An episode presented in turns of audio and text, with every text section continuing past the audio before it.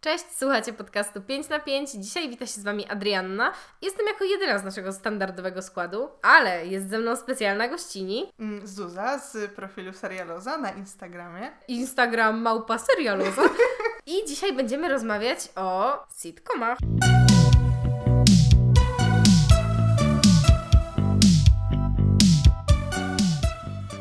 Okej, więc historia jest taka, że my z Zuzą studiujemy na tym samym instytucie zacny kierunek, jakim jest filmoznawstwo. I nie poznałyśmy się na instytucie, co jest jeszcze śmieszniejsze. Tak, poznałyśmy się w bardzo uroczych okolicznościach kina pałacowego, które serdecznie pozdrawiamy. I tam dowiedziałyśmy się, że studiujemy na, tych samy, na tym samym instytucie, a przy okazji, że obie gdzieś tam e, coś tam robimy, aby w tych internetach. Znaczy, ja dopiero zaczęłam, ale oczywiście wtedy to było we wrześniu, e, a Ada oczywiście znałam już z podcastu 5 na 5 i fenomenalnych zdjęć okładkowych. Ojej, czy to jest 5 na 5 podcast dostaje appreciation? Dokładnie. Jest mi bardzo miło.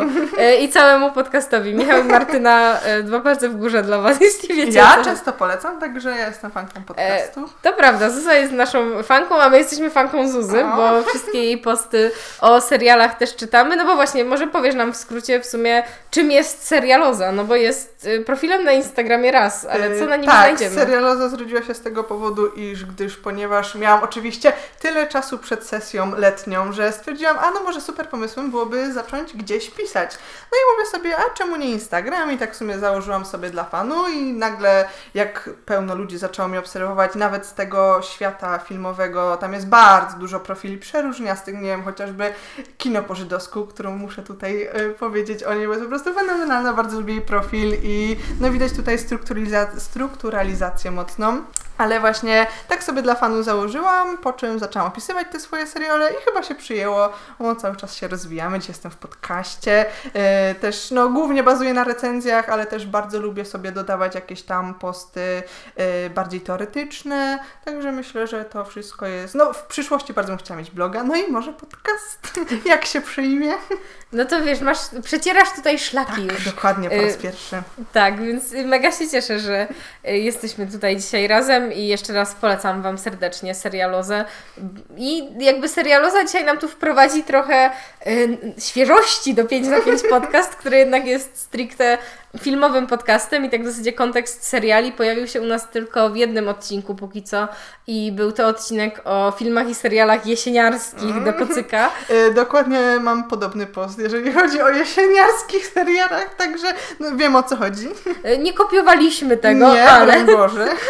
ale, ale gdzieś tam też już y, nasze drogi się tak przecięły, dlatego dzisiaj uznałyśmy, że skoro się już tu spotkamy przecierać podcastowe szlaki, to porozmawiamy o serialach, a jakie seriale kochamy najbardziej? No, wyszło na to, że chyba kochamy sitcomy, co na pewno jest w dużej mierze moją miłością, ale Twoją chyba też. E, tak, zdecydowanie, chociaż totalnie wydawało mi się, że to nie jest gatunek dla mnie, bo wszystko się dzieje w tym samym miejscu i nie ma jakiegoś takiej pogłębio, pogłębionego spojrzenia, nie wiem, na społeczeństwo i tak dalej. Ja bardzo lubię takie tematy, a jednak jak usiadłam do swojego pierwszego sitcomu, o którym się dowiecie niebawem, to strasznie, strasznie mi się to spodobało. No tak, żeby może zapowiedzieć jakoś nasz rozkład jazdy na dzisiaj, to krótko sobie powiemy w ogóle jakby czym są w sumie sitcomy i właśnie to, co już trochę powiedziałaś na temat jednego miejsca i tego, co może być tam nudne, ale też co może być w nich bardzo wartościowe i też y, charakterystyczna może długość. Dokładnie, przecież pomimo tego, że właśnie powiedziałam, że mogą być nudne, one trwają po 9-10 sezonów, więc to jest jakby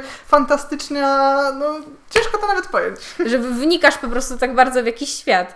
I właśnie o tych światach też trochę porozmawiamy na konkretnych przykładach naszych wybrańców. Niektórzy na pewno spodziewają się już, jakie tytuły tutaj e, mogą paść. No i trochę sobie podsumowujemy po jakby takim przeglądzie, oczywiście bezspoilerowym, e, tych wszystkich sitcomów, które Wam też serdecznie polecamy, bo wybrałyśmy raczej takie, które e, są bliskie naszym sercom, a nie takie, które chciałyśmy wyłączyć szybko. Dokładnie. To trochę sobie jeszcze je podsumowujemy, a potem powiemy Wam siema i jeszcze raz zaprosimy na y, Instagrama i serialozy i 5 na 5 podcast. No to okej, y, jako tutaj y, filmoznawczynie, bo właśnie stamtąd trochę też obie pochodzimy, no to y, skąd, skąd, skąd te sitcomy? Skąd te sitcomy? No przede wszystkim y, warto zaznaczyć, że na sitcomy monopol mają Amerykanie i to jest dość znaczące, ponieważ y, Amerykanie raczej nam się kojarzą z tym z popkulturą i z taką kulturą luźniejszą. No i sitcomy wzięły się głównie z radia, ale też właśnie z vaudeville i minstrel showów, które są typowo gatunkiem teatralnym. Oczywiście jeżeli chodzi o minstrel showy, no to bardzo nie lubimy, bo historia jest taka, że są bardzo rasistowskie i no nawet ciężko się o nich rozmawia, już wydaje mi się, że po prostu przechodzą do tej części historii, o której się nie mówi. Trochę to jest jak z takim śpiewakiem jazz bandu, tak, nie? dokładnie. że masz film, który jednocześnie jest przełomowy, bo jako pierwszy wprowadza ci dźwięk na takim poziomie, no a jednocześnie masz tam blackface, więc Tak. jest takie trochę zgrzyt, ale jednak no, z tego gdzieś to wychodzi, więc warto to zaznaczyć. Oczywiście nie mówimy tutaj, że sitcomy wywodzą się z rasizmu, czy broń Boże, nie o to nam chodzi, tylko chodzi po prostu o to połączenie e, jakiegoś takiego sposobu literackiego mówienia swobodnego i też takiego humoru, e, teatralności, no bo jednak będziemy też potem mówić, na czym bazują e, sitcomy w sensie gatunkowym i też jak wyglądają i że to wszystko strukturalnie jest bardzo podobne. Idąc dalej, no tak jak mówiłam właśnie, że Amerykanie mają ten monopol, no ale właśnie wyróżniamy też Britcomy, które ja osobiście uwielbiam, ponieważ one mają taki specyficzny typ humoru, który mi wszystkim odpowiada, a jednak chciałam tu właśnie chociażby wspomnieć o Derry Girls, które no są cudowne, ja, ja właśnie pisałam o nich też post, trafiłam na nie zupełnie przypadkiem i no zawładnęły moim ser sercem, także bardzo polecam już teraz. Adzie też polecałam, ale... Tak, i ja zaczęłam. Jestem, proszę. obejrzałam dwa odcinki Derry Girls, czyli jednego z no w zasadzie nowszych chyba seriali. Tak, które... i bardzo krótkich, co jest też znaczące. Bo I... czy Derry Girls się już skończyły? Tak, skończyły się cztery. A, okej, to żartowałam. Nie, to jest nadal mega, jakby połowa tego, co zawsze Tak, w serialach, więc i poza tym chyba mają po 6 odcinków, także to już jest w ogóle 6 odcinków w sezonie, więc to jest jakby totalnie... no i odcinki tam po te 20 parę minut. No to, jak... to klasycznie, nie? Tak. Więc to wychodzi na to, że jest mega mało, to jest taki dosłownie serial na 2-3 dni. A, ty, a też ciekawy w kontekście takiej rozmowy o brytyjskim społeczeństwie lat w sumie 90. Tak, dok- tam przewija się ten konflikt irlandzko-brytyjski, Mhm. także mamy pogłębione te sitcomy właśnie o sytuację historyczną, ale oczywiście to jest przedstawione w sposób, w sposób dość zabawny, ale zawsze to, to jest symptomatyczne, że to się dopiero na koniec każdego sezonu pojawia, że oni przypominają o tym konflikcie, że to ca- cały czas istnieje i to gdzieś jest tam na horyzoncie, ale no te dziewczyny jednak dorastają i to też jest bardzo istotne. A, no i właśnie co ciekawe w tym sitcomie też jest parę momentów takich, że no nutka, y, łza w oczach mi tam gdzieś popłynęła. Ja czekam jeszcze na to, ale póki co te dwa odcinki, które widziałam, bardzo mi się podobały. Ale niestety przez to, że obejrzałam tylko te dwa odcinki, to na ten moment Wiadomo. Derry Girls y, tutaj zostaną. To ale- jest właśnie problem też sitcomów, że ich jest tyle, że no nie jesteś w stanie zobaczyć wszystkich, pomimo że bardzo byś chciała zresztą. To prawda, no i też jakby samo obejrzenie ich zajmuje dużo, no bo wspomniałyśmy już o tym metrażu, który Tak. jest charakterystyczny, czyli że sitcom jednak ma bardzo krótkie odcinki.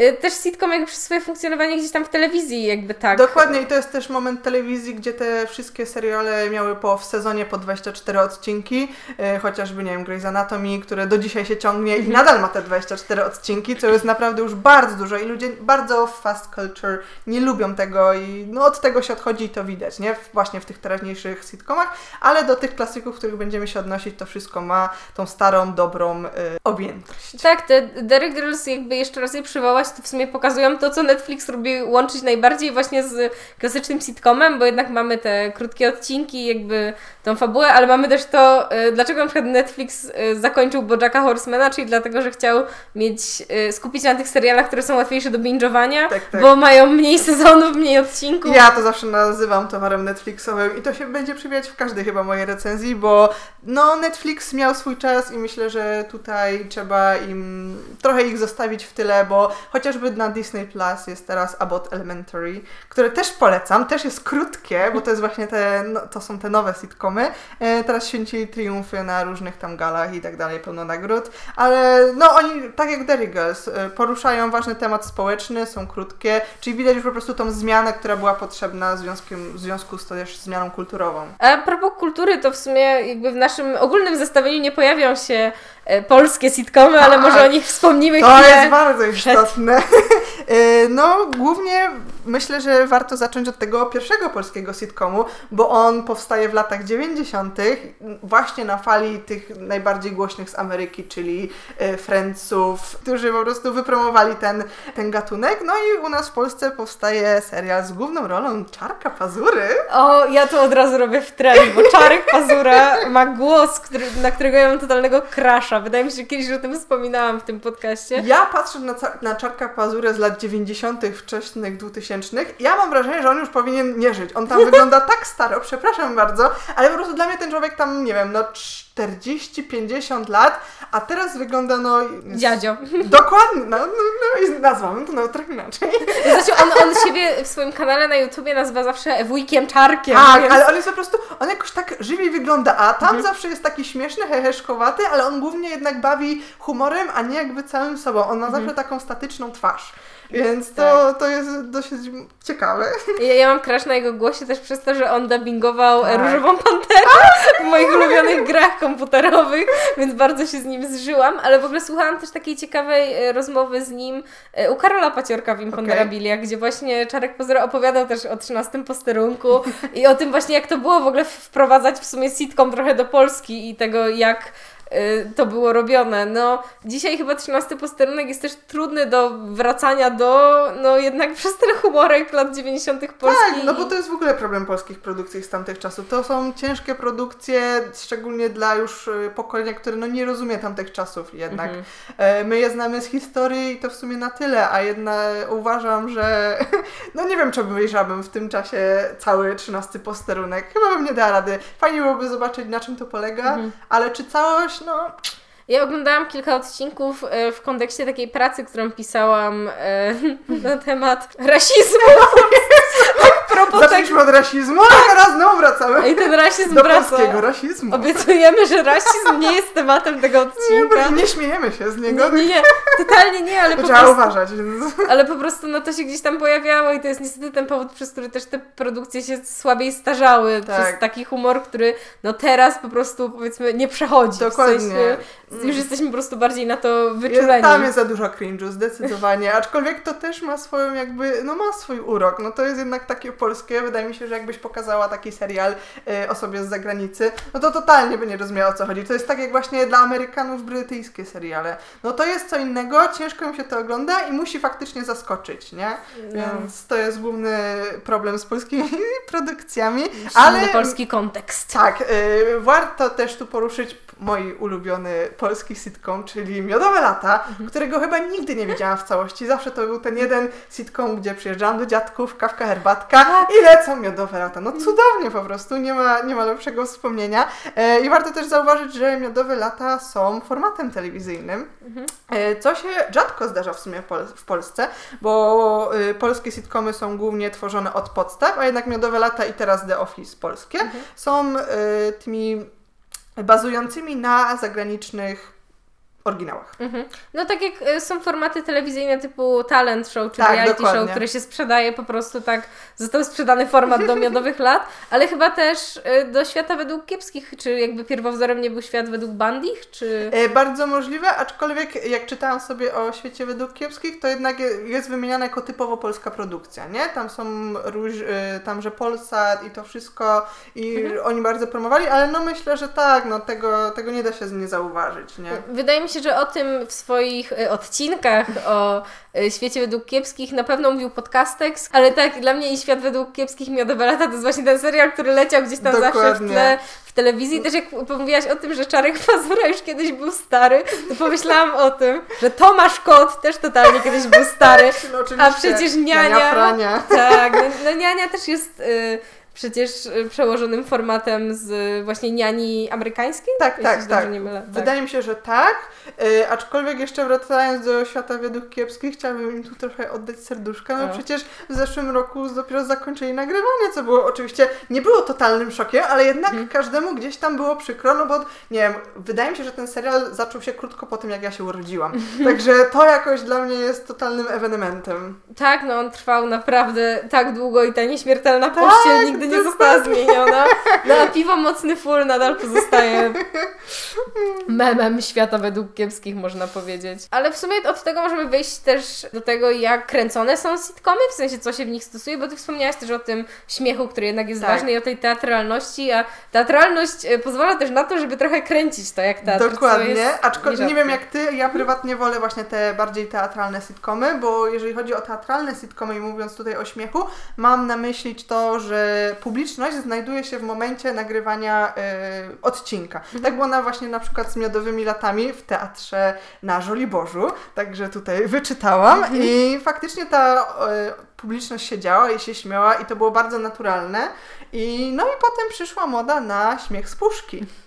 Śmiech z puszki to jest rzecz, która wiem, że wiele osób razi, kiedy oglądają te stare Tak, ja sitcomy. zawsze jak komuś mówię, że oglądam taki świetny sitcom, nie, ja nie mogę sitcomu, bo śmiech z puszki, nie? I ja w pierwszym momencie na przykład tego nie zauważałam, ale potem jak sobie o tym poczytałam, to faktycznie jest w tym coś takiego bardzo, em, nie, chcę, nie chcę powiedzieć żadnego mocnego słowa, ale no manipulacyjnego, no Tak. nie ma co ukrywać. Totalnie się zgadzam, bo ja też na przykład jakby łatwo łykam tą Tak, manipulację, tak, tak. w sensie y, ja sobie też, y, nie, że nie zdawałam sprawy, no bo słyszałam, że to nie, nie śmieje się nikt z bohaterów, no, tak, to nie nie? jest naturalne, kompletnie nie, ale na przykład ja się też łapię na tym, że y, oni się zaśmieją i nagle ja się z czegoś śmieję, co w ogóle mnie nie bawi i jestem taka, hola hola, Tak, dlaczego ja się z tego śmieję? To jest w ogóle chyba jakiś mechanizm psychologiczny. Niestety nie studujemy psychologii, tylko filmoznawstwo, ale no jest coś w tym, że jak ktoś się śmieje, to też łatwiej jest to podłapać. I mi się wydaje, że to może też zadziałało tak, że mnie w życiu niewiele rzeczy bawi, powiedziałabym, ale nic mnie nie bawi tak jak sitcomy w większości. I na przyjaciołach śmiałam się wielokrotnie, też chyba przez to, że ten śmiech z puchy mógł mi to czasem sugerować, ale właśnie no to jest częsty zarzut. Tak, ale lubię jak ludzie właśnie nazywają to kolejnym bohaterem w sitcomie, bo faktycznie jeżeli już się przetrze szlaki z tym Mhm. śmiechem z puszki, to na przykład, no na pewno wolę tą teatralność, bo to jest bardziej naturalne, ale jednak ten śmiech z puszki też wydaje mi się, że na tamte czasy był troszeczkę potrzebny. Że to jest jakiś taki moment, kiedy faktycznie siadamy przed telewizorem, nie, ma, nie musimy oglądać tych reality showów i tak dalej, tylko po prostu możemy sobie usiąść na jeden odcinek, pośmiać się, pójść, nie wiem, zapalić czy coś i potem znowu wrócić, jest zupełnie jakiś inny odcinek, jakiś zupełnie inny serial i znowu się śmiejemy.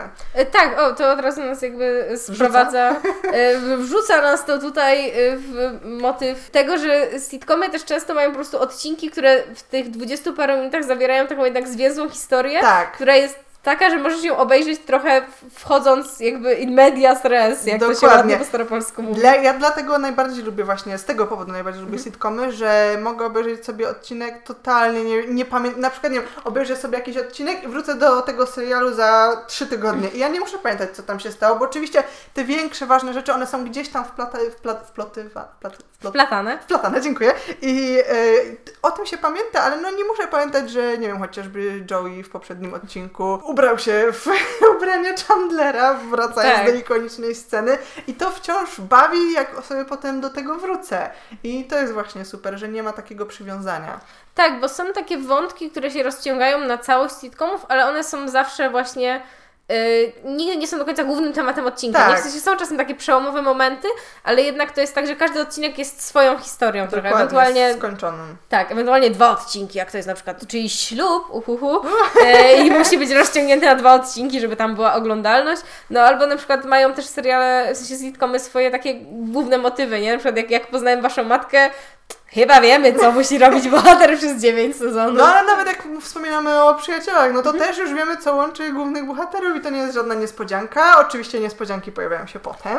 tak. Nie, ja ogólnie nie będę spoilerowała, może ktoś jeszcze nie widział przyjaciół, ale ja zaczęłam przyjaciół w gimnazjum i to jeszcze było przed tą erą tych wszystkich spoilerów i tak dalej, więc ja nie wiedziałam tych wszystkich romansowych plotów. O. Także jak ja zobaczyłam ten jeden, myślę, że wiesz o którym myślę.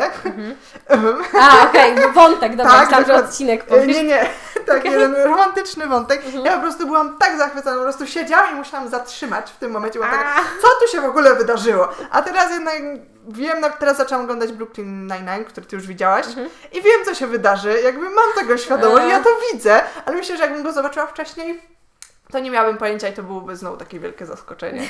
Ja jednak jestem totalną romantyczką i jakby te wątki są dla mnie no dosyć takie jednak yy, ciepłe, ciepło mi w sercu. Tak, często w ogóle te wątki romantyczne to jest właśnie to, co jakby Nosi, jest tym tak. całym tłem też w ogóle jakby do historii, w sensie tym, co, co łączy w ogóle bohaterów. Tak, dokładnie i nawet sezony, czy potem ta problematyka i tak dalej, to jest mocno Mocne. mocne. Tak, no to w sumie jakby już zaczęłyśmy o tych przyjaciołach, czy chcemy do nich przejść, bo są rzeczywiście naszym pierwszym e, sitcomem na liście, chyba że przed e, wnikaniem. Nie, broń Boże, i myślę, że trzeba oddać yy, przyjaciołom. Można ich nie lubić, można je kochać, ale jednak dla mnie to był pierwszy sitcom zagraniczny, amerykański, whatever. I to jest jedyny też sitcom, który widziałam dwa razy. Za, ja nie mam tendencji do powtarzania produkcji totalnie, jakby żal mi trochę czasu, lubię sobie przejść dalej, więc y, to, że widziałam dwa razy przyjaciół, to już coś znaczy. To jest znak. E, Ty w ogóle powiedziałaś, że zaczę, zaczęłaś oglądać przyjaciół w gimnazjum. Ja Tak. zaczęłam w liceum i to był w ogóle sitcom, który zaczęłam oglądać w celach edukacyjnych. O kurczę! Bo e, moja anglistka w liceum była wielką fanką przyjaciół, więc Okej. kiedyś nam puściła na zajęciach jeden odcinek, ale uwaga, puściła nam odcinek z dziesiątego sezonu. Powiem tylko, e, to nie będzie duży spoiler, to jest odcinek, w którym Joey uczy się francuskiego. O, no, E, ale no jakby w tym odcinku wiesz już potem wiele rzeczy, więc ja Tak. wchodząc w przyjaciół już trochę wiedziałam jakby... zbrodnia. No trochę... Niby nie da się zaspoilerować sitcomu, a jednak wciąż A pamięta się te główne wątki. Tak, no a tam jednak były takie duże rzeczy, Tak, które się wydarzą w przyszłości. E, Ale no i tak zaczęłam i celem edukacyjnym było to, że po prostu oglądałam sobie serial po angielsku z angielskimi napisami, żeby się uczyć Mhm. języka. I no coś mówię po angielsku, więc chyba zadziałało. No, u nas niestety nasza nauczycielka w liceum była totalnie y, z poziomu tego brytyjskiego, także w ogóle nie było mowy o amerykańskim, o amerykańskiej frazeologii. E, no nie znałam wtedy Derry Girls, chyba jeszcze nie było wtedy nawet nagrywane. Mhm. Starość. A Derry Girls w ogóle mają bardzo specyficzne akcenty, takie szczerze No bo to jest irlandzkie, dygresję. nie? No to jednak jest północna Irlandia, ale No. jest ten konflikt z Anglikami, tam jest jedna postać Tak, tak, on jest cudowna. y, tyrana postać tak bardzo. B, jakby nie spoilerując, tutaj trzeba dojść do końca, będzie sprawiedliwość O, dla wspaniale. wszystkich. Także to, już na pewno. Ale wracając do przyjaciół. Tak, bo w nich byłyśmy. No to tak ogólnie mówiąc, no to, to chyba jest realnie najbardziej rozpoznawalny sitcom No ever. on myślę, że można mu oddać te zasługi, że on napędził machinę sitcomów, tak? Tak. W latach 90. Oczywiście mamy przed tym świat według Bundy, o którym Mhm. już powiedziałaś, ale to nie było tak światowym serialem, wydaje mi się. I on też do dzisiaj się mocno wraca, że on był kulturowo. mm, Tam są różne takie żarty, które już nie śmieszą. Takie nasze polskie troszeczkę żarty. Tak. Z, wydaje mi się, że tam też była mowa właśnie o tych seksualnych żartach i no to się zestarzało, to trzeba przyznać. A jednak przyjaciele, wydaje mi się, że oni się świetnie starzeją. No bo to jest w sumie bardzo prosty punkt wyjścia. Tak. Mamy szóstkę przyjaciół mieszkających w Nowym, w Nowym Jorku. Wśród nich jest na przykład rodzeństwo, Tak. ale są też właśnie... Mieszkają obok siebie, co też jest istotne i tak. praktycznie spędzają ze sobą każdą wolną chwilę. Dokładnie tak. Ja z taką moją grupą znajomych, e, z którymi jakby spotykamy się często w mieszkaniu jednych znajomych, które po prostu mają największe mieszkanie, zawsze mówię, że to jest mieszkanie Moniki, nie? Bo, bo to jest ten Tak. sam schemat, że do tego znajomego, który ma największe mieszkanie Dokładnie. i trochę tam mieszkasz po Tak, prostu. a potem jak chcecie wyjść na miasto, to i tak zawsze kończycie w tym jednym samym miejscu, czyli w tym przypadku... W tym salonie. Tak. Chodziło mi o tą kawiarnię. Aha, o Jezu, przecież jeszcze właśnie, bo to będzie coś, co jak przejdziemy do kolejnego e, sitcomu, trochę się e, Tak. zmieni w kontekście miejsca, ale no tak, mamy Central Perk, no i naprawdę taka ikonografia Friendsów też zostaje z nami do, do dzisiaj, w sensie Friendsi nadal są taką trochę kultywowaną serią i to właśnie widziałam kiedyś taką dyskusję na temat tego, dlaczego w ogóle młodzi ludzie teraz oglądają Przyjaciół, skoro dla nich to nie jest aktualne, nie? W sensie oni żyją jednak, wiesz, bez komórek i tak, tak, dalej. tak, tak. Myślę, ja na przykład patrząc teraz z perspektywy czasu, żałuję, że obejrzałam tak wcześnie przyjaciół, bo jednak oni tam zaczynają jak mają 20 coś lat, Tak, kończą jak tak. mają 30 coś, no bo ten chyba trwa 10 lat 10 powiedzmy. lat równo 10 Dokładnie. sezonów. E, I wydaje mi się, że on jest mocno taki pokazujący, że no w życiu nie musi ci wszystko wychodzić. To jest cudowne. Masz te 20 lat, masz czas na błędy. Potem to się wszystko jakoś strukturalizuje i wychodzisz jakoś z twarzą, tak? Tak, i właśnie jak, jak różnie może wyglądać Twoje życie, że to wcale nie jest tak, że układasz sobie wszystko do 30 i potem już po prostu żyjesz, tylko że. Dokładnie, nie wiem, masz 20 lat, żyjesz z najlepszym przyjacielem i jest super, nie musisz jakby już o tym myśleć, że kurczę, ja to już się powinienem ustatkować. No, no nie ma w ogóle takiego pomysłu. no. Tak, w ogóle też y, dużo sitcomów też jest o tym, nie? W Tak. sensie, że jak, jak wygląda tak naprawdę życie ludzi koło Dorosłe. 30. No, i że to wcale W ogóle, jest że to tak. jest dorosłe życie. Tak. Mam wrażenie, że to się bardzo zmieniło, bo w momencie, kiedy mamy te od tych 20 do 30 lat, to jest jednak już teraz taki moment, kiedy się studiuje, kiedy się próbuje, kiedy jeszcze nie ma tej, tej potrzeby takiego właśnie nazywania wszystkiego. A jednak już w tamtym czasie mamy te wszystkie właśnie, że oni zmieniają chociażby te prace Tak. i że im się strasznie, nie wiem, że Joey chce być aktorem, a że w sumie nim nie powinien być. I to też jest cudowne. I że Chandler Bing, który nienawidzi swojej pracy, ale jednak do niej chodzi i Chandler Bing to jest właśnie w ogóle moja ulubiona moja postać. też, no... Chyba wielu osób. Dokładnie, aczkolwiek ostatnio walczy z Moniką, także im mam więcej lat, tym bardziej ją doceniam. O, też, też można. Ja mam to, co Monika, jeśli chodzi o sprzątanie okej, to ja zupełnie nie. O, o, ja trochę tak, ale właśnie propos Moniki od razu, no jest kilka tych wątków, które tak e, gorzej się starzeją, typu właśnie, no to też nie jest spoiler, ale Tak, fatsuit Moniki, który się czasem pojawia i jest Dokładnie. kontrowersyjny, ale są też te rzeczy takie przełomowe, bo na przykład w ciągu serialu pojawia się lesbijski ślub, Tak. który był pierwszym e, lesbijskim ślubem pokazanym. Potem jest nawet wychowywanie dziecka po rozwodzie i że to może być taki no co-parenting, który nikomu nie przeszkadza, że po prostu możemy być przyjaciółmi i to też jakby zmienia się w tym momencie, a to już było w latach 90. w Ameryce, więc to jest jakby dla mnie szok totalny, bo wydaje mi się, że w Polsce jeszcze tu nie jesteśmy. Totalnie tak, a w sumie Przyjaciele to jest od 94 roku, czyli jak żadnej z nas nie był jeszcze na świecie. dokładnie. Do 2004, czyli jak miałyśmy 3-4 latka, Tak. to to się kończyło. Ja nawet nie myślałam o tym, że będę to oglądać. Tak. Ale od razu jakby po 2004 przychodzi 2005 i wtedy przyszedł sitcom, który jest no moim absolutnie ulubionym i od razu dla tych, którzy widzieli powiem poza ostatnimi tam pięcioma minutami, ale jak poznałem Waszą matkę. Ach, no myślę, że do ostatniego sezonu spotykamy się. Ja też bardzo lubię ten serial, aczkolwiek nie pamiętam w jakim momencie go oglądałam i dużo rzeczy mi wypadło w ogóle z głowy. To jest ten problem, że jednak sitcomy jak się włącza na przykład na telewizorze, to jest taki serial, jak moja przyjaciółka określa, do malowania paznokci. Czyli robisz po prostu totalnie wszystko, a on sobie leci w tle. Dlatego też pamiętam, że oglądałam jeszcze raz Przyjaciół, bo dużo rzeczy nie pamiętałam. Z, właśnie z How I Met Your Mother mam podobny problem, dużo rzeczy nie pamiętam. Oczywiście te główne wątki pamiętam, e, więc do tego na pewno przejdziemy, ale e, no How I Met Your Mother bardzo bazuje na Friendsach i myślę, że to był na przykład mój główny zarzut przy tym serialu, bo uważam, że to były takie czasy, gdzie to wszystko się rozwijało i spokojnie można było wymyślić coś nowego, więc tam są momenty wspólne i które są najbardziej ikoniczne, a właśnie te momenty różnorakie nie są aż tak światowe. I to jest mój chyba główny zarzut. Okej, ja miałam tak, że How I Met Your Mother zaczęłam w ogóle od razu po Okej. zakończeniu przyjaciół. Jak sensie- przekazał? Tak, tak. Totalnie ja szłam chronologicznie, cofałam się tam do tych lat. Znaczy, o, oczywiście zrewatchowałam też Friendsów po drodze, bo ja akurat jestem człowiekiem, który dużo rewatchuje sitcomy. Tak jak takich innych seriali, to za bardzo mi się nie zdarza w życiu rewatchować. No myślę, że jeżeli ja już jakiś rewatchuję, to krótki jakiś, taki, który faktycznie, no i oczywiście Glee, tu myślę, że jak ktoś mnie obserwuje, to dos- dokładnie wie, że ja Glee chyba widziałam z siedem razy to nie jest żadna, to nie jest żadna ujma, przynajmniej ja tak uważam. Możemy kiedyś zrobić osobny odcinek o Glee O Jezus, bo... myślę, żebyśmy I myślę, że. Michał wtedy będzie chciał też z nami nagrywać, bo też jest fanem Glee. E, ale właśnie z jak poznałem Waszą matkę, miałam tak, że zaczęłam po Francach i najpierw miałam ten taki standardowy problem, żeby trochę wejść, ale jak weszłam, to oj, przepadła mi. To jest sitcom, który powtórzyłam chyba najwięcej razy. Ja go widziałam z cztery razy i to jeszcze tak, że oglądałam randomowe odcinki, potem mam swoje ukochane odcinki, na przykład e, jeden, który ma tytuł Legend Daddy. Kto wie, ten wie, to jest jeden z moich ulubionych odcinków. To, co ja uważam, że się rozwinęło, jeśli chodzi o sitcom w tym przypadku, no to na pewno y, jest właśnie pójście jednak z duchem czasu, trochę i z technologią.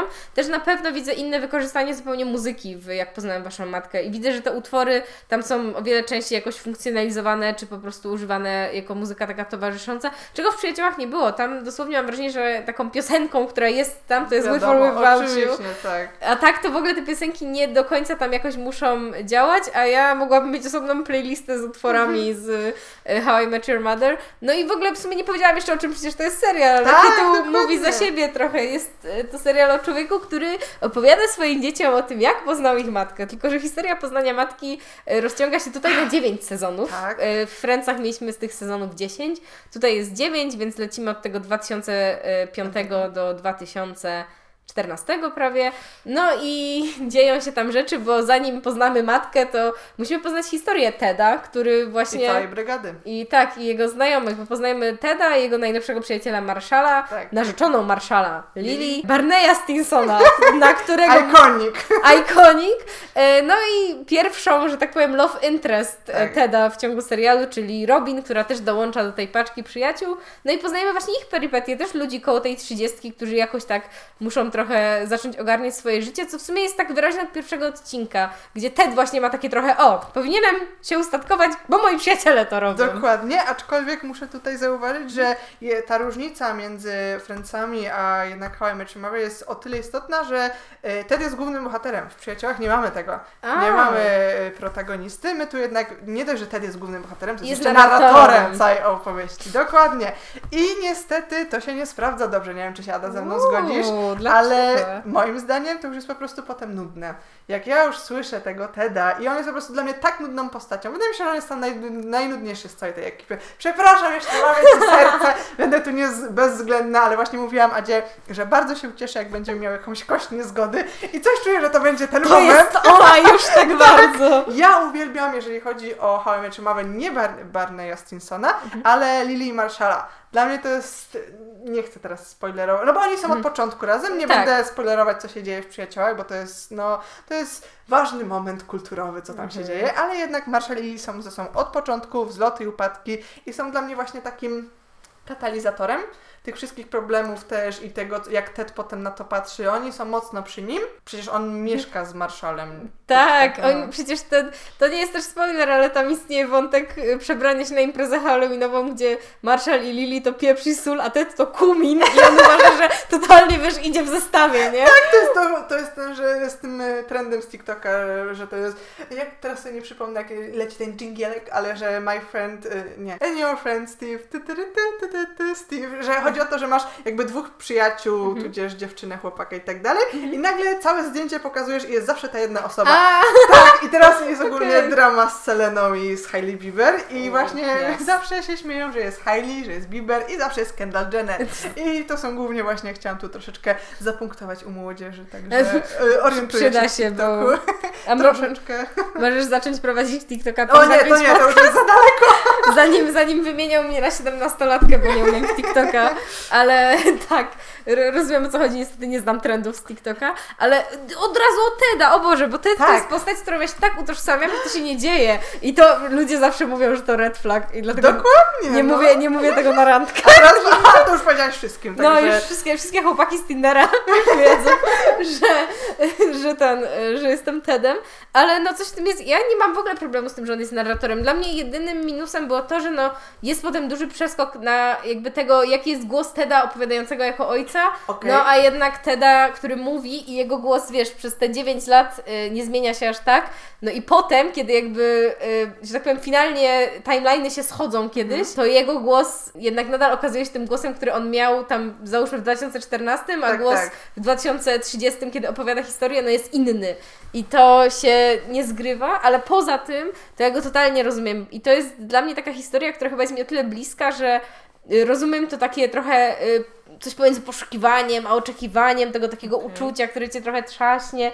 I dlatego strasznie lubię, jak już matka się pojawia i rzeczywiście to jest takie trochę Tak. wow, nie? ja uważam, że to jest ten moment, kiedy to powinni skończyć. Tak, co nie? To jest zdecydowanie. Uwielbiam, jak seriale są na tyle autonomiczne, że one wiedzą, kiedy zakończyć. Chociażby teraz właśnie z sukcesją jest taki e, problem. Problem. No to jest Mhm. fantastyczne, że oni robią teraz czwarty sezon i to powiedzieli już wszemi wobec, to jest ostatni sezon. Mhm. I to jest super, bo oni mają kompletną władzę. A jednak w sitcomach mocno jest to przedłużane i chociażby myślę, że zgodzisz się ze mną, że jak poznają waszą matkę, no ostatni sezon pozostawia dużo do życzenia. Znaczy sam ostatni sezon ma tą taką y, od- odrębną trochę strukturę, w sensie Tak. jego rozciągłość czasowa jest zupełnie inna niż w innych sezonach, co jest taką dużą dystro- dysproporcją, która wprowadza takie, takie trochę dziwne uczucie, dlaczego to zostało tak zrobione, a z drugiej strony rozumiem trochę tą decyzję, też nie miałam z tym aż tak dużego problemu i naprawdę no dla mnie to jest wspaniały serial właśnie o tym, ile, ile tak naprawdę możesz przeżyć, zanim spotkasz kogoś takiego, z kim naprawdę warto. A w sumie po drodze to nie jest tak, że po drodze nie spotykasz ludzi, z którymi warto, bo rzeczywiście różne e, partnerki Teda po drodze też są ciekawe i to dla mnie jest naprawdę takie fajne, że widzisz też jego zaangażowanie w te różne relacje, ale też cały czas e, w te przyjaźnie, które przede wszystkim to one trwają, nie? W Tak, sensie zdecydowanie. wszyscy partnerzy różnych osób w grupie e, się zmieniają, zwłaszcza partnerki Barneya, aczkolwiek one to w ogóle, no, Zasługują na oso- osobny w ogóle temat. Jakby... no tak, bo w ogóle jakby to jest ten żart, który ogólnie byłby okropny, ale jak robi to Barney, to jest to nadal śmieszne, czyli kiedy on mówi, jakby przedstawia jakąś dziewczynę i mówi, o, będziecie widzieć Zuzę teraz bardzo często. Zuza odchodzi, on mówi, i nigdy nie zobaczyli jej ponownie. I jakby śmieszne, bo to jest dokładnie podejście Barneya. No ale Barney ma też swoje ikoniczne teksty, bo Tak, chyba to też jest sitcomowa rzecz, o której nie powiedzieliśmy przy Friendsach. Pewnie. A na przykład Joey przecież i How you doing? Doing. Tak, dokładnie. Albo Joey doesn't share food. To No, też jest tak. takie mocne. Joey no i share y, możesz powiedzieć Barneya kwestię, bo to jest, to muszą być emocje. O Jezu, ale chce, którą chcemy? Chcemy Legendary? Tak, czy... no tak. oczywiście. It's gonna be legend. Wait for it. Dairy. tak, ale ja y, od Barneya mam bardzo zapożyczoną inną praktykę, a to jest przybijanie sobie samemu piątek, bo Barney czasem, kiedy nikt nie chce przybić mu piątki, po prostu i mówi, okej, self five. I ja jestem za... I to ja to chcę mieć to w życiu, nie? W sensie wchodzisz do pomieszczenia i robisz self five, wychodzisz i jakby nikt nie musi ci przyklaskiwać, bo sam sobie przyklaśniesz. Wspaniale. No i Neil Patrick Harris jest naprawdę świetny w tej roli. W sensie Tak. Wydaje mi się, że jest tak odpowiednio przerysowany, a jednocześnie ma nagle te swoje real momenty i ja mam takie... No ale Tak. właśnie w sitcomach też są te takie ikoniczne ro- role. Jest zawsze ta jedna rola, Mhm. która po prostu zostaje z tobą. No w Przyjaciołach jest to Joey, który jest, odstaje troszeczkę od grupy. Tak. Nawet już nie mówiąc o zakończeniu, on jako jedyny odstaje, że tak powiem. A Mhm. tutaj mamy Barneya. Przechodząc dalej już jakby do innych seriali też będziemy o tym mówić, bo tam też są takie specjalne postacie, które zostają na dłużej po prostu. To prawda, że chcemy właśnie przejść do... y, Znaczy ja bym jeszcze poruszyć, A, jak, jak no. tak łączymy ten, tych przyjaciół i tych, y, tą, jak poznałem waszą matkę, to chciałam troszeczkę też poruszyć właśnie dlaczego, no bo jednak dla mnie to był główny zarzut, a jednak Mhm. no chociażby pojawia się to główne miejsce spotkań, czego potem w serialach raczej już tak nie ma, w sensie nie chodzi mi o te y, mieszkanie, no bo to, to, to, to zostaje, ale tu mamy kawiarnię w przyjaciołach, tu mamy bar, Tak. Oczywiście ten bar, w, jak poznałem waszą matkę, jest moim zdaniem lepiej wygrany niż kawiarnia, Mhm. bo tam się znacznie dużo rzeczy dzieje w indywidualnej, że tak powiem, kwestii. Jak na przykład, nie wiem, no chociażby Ted kogoś poznaje, albo Barney kogoś poznaje, albo oni tam są swoimi swingmanami, to się chyba tak Wingman, nazywa? tak, tak, tak, dokładnie, tak. Swingman. No, O dokładnie. Boże, jakby w pierwszym odcinku tego serialu pojawia się mój ulubiony, moja ulubiona rzecz do robienia ludziom, czyli podchodzisz do kogoś i na przykład wiesz, wyobraź sobie, że jesteśmy sobie razem na piwsku, podchodzimy do jakiegoś typa i ja mówię, hej, znasz Zuzę? I cię zostawiam i wychodzę, nie? Czyli have you met Ted? I jakby wspaniałe też. Tak, dokładnie. Aczkolwiek no, to, co wyróżnia, y, jak poznałem waszą matkę, są te mom- jest ten taki, nie wiem, czy wiesz, nie, nie chcę spoilerować znowu, ale nie wiem, czy wiesz, jest taki moment bardzo smutny. Ja bardzo płakałam na tym momencie jest on związany z Marszalem.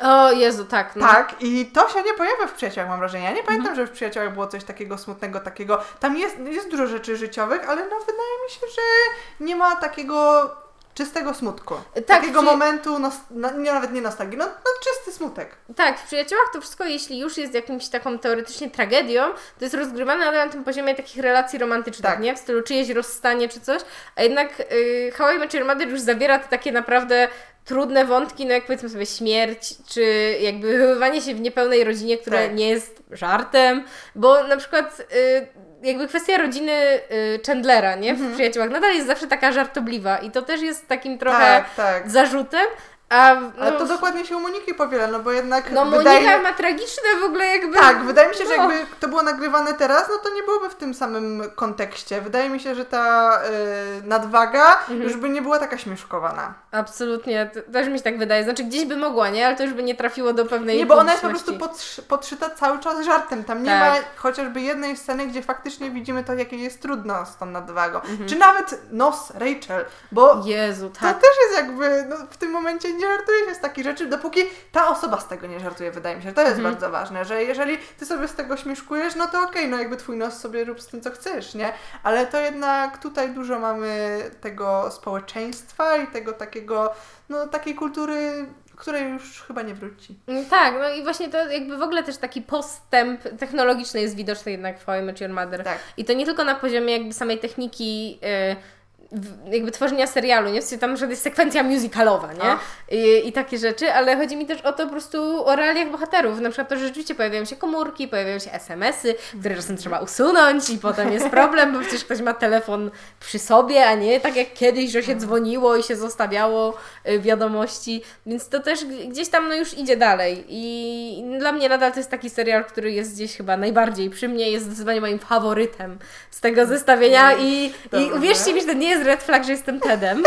No ja bym tutaj polemizowała, ale zostawmy Adę No. z tym przeświadczeniem. No Zuza się już ze mną nie umówi, więc trudno. No, przykro mi Ted niestety i jego, y, jak się nazywa, to, to, Puzon? Blue French Horn. Ale niebieski. właśnie on mi się z nim najbardziej kojarzy, także Tak. może parasolka jeszcze. No, ja bym powiedziała, że no, Zuza powiedziała, że się ze mną nie umówi and that's what she said.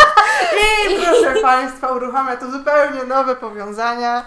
Że jesteśmy w serialu, którego, uwaga, ja nie oglądałam, ale wydaje mi się, że ten odcinek nie mógłby się obejść bez Tak. tego, bo to też jest format, który się potem roznosi i nawet na Polskę się rozniósł Dokładnie. jakiś czas temu. Mowa oczywiście o The Office. Dokładnie. Ja po prostu, dla mnie wciąż jest zachwycające, że format, nawet to The Office, amerykańskie jest formatem, bo my przenosimy format for, for nawet nie wiem jak to powiedzieć, oryginalny format na format i ten znowu na format, bo polskie The Office nie odnosi się do angielskiego, który Mhm. jest tym oryginałem, tylko właśnie do amerykańskiego, czyli to jakby idzie zupełnie dalej. Bo pierwsze było brytyjskie. Tak, właśnie. dokładnie, Mhm. tak. A potem wydaje mi się, że Ricky Gervais był chyba producentem amerykańskiego, ale mogę się tutaj mówić, nie, nie, nie dokładnie Mhm. to chyba sprawdziłam, nawet nie chyba.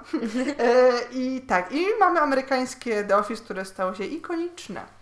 Tak, no ja naprawdę widząc, widziałam tylko trzy odcinki tego, jakoś Mhm. niestety nigdy nie zabrnęłam dalej, ale wiem, że już kiedyś zabrnę, y, no to jednak The Office ma swoje bardzo ikoniczne teksty i ma też formę już inną. Tak, Niż- dokładnie. niż nie to, masz dotychczas. śmiechu z puszki. O tak. To jest mocna zmiana. Mamy do czynienia z dokumentem, co też jest ciekawą, y, y, no, ciekawym połączeniem gatunkowym. Mhm. Dużo się teraz mówi o różnych tam gatunkach, które się przenikają i tak dalej i to już wtedy się zaczęło. E, Myślę, że The Office też jest fantastycznym przykładem tego humoru, który jest bardzo specyficzny. To nie jest humor dla wszystkich, jak widać po Adzie, która na razie sobie z nim nie dała rady. Derry Girls szybciej zostaną obejrzane. Myślę, że tak, aczkolwiek ja też bardzo. Dlatego w sumie chyba The Office nie jest moim ulubionym serialem, Mhm. bo ja po prostu nie do końca czuję ten humor. Widziałam cały, ale no nie jest to mój typ. Widziałaś cały amerykański. Tak, tak, Okej. nie, a do, angielskiego, do angielskiego nie, jakby nie zaglądałam. Mhm. Wiem, że e, spoiler master Michał Oleszczyk poleca. Także Pozdrawiamy go też. Oczywiście, jeśli słucha, mam nadzieję. Wszystkie podcasty tego świata zostają pozdrowione w dzisiejszym Tak, odcinku. dokładnie. Mm, y, tak, i wracając do The Office, no myślę, że The Office znowu nam funduje ikoniczną postać, jaką jest Dwight Schrute. Tak, bo o Dwightie ja też nawet słyszałam, gdzie no, z tych trzech odcinków, które widziałam, no kojarzę, że on tam Tak. był, nie? Ale są też postaci inne, które kojarzę bardziej, ale Dwight jakby jest... No, ta- ikona, no to tak. jest znowu to właśnie to, do, do czego piłam, że są te jedne postacie, które zostają jednak najdłużej. Wydaje mi się, że to ma duży związek z pewnością siebie. Mhm. E, I Joey, i Barney, i Dwight, oni są po prostu sobą.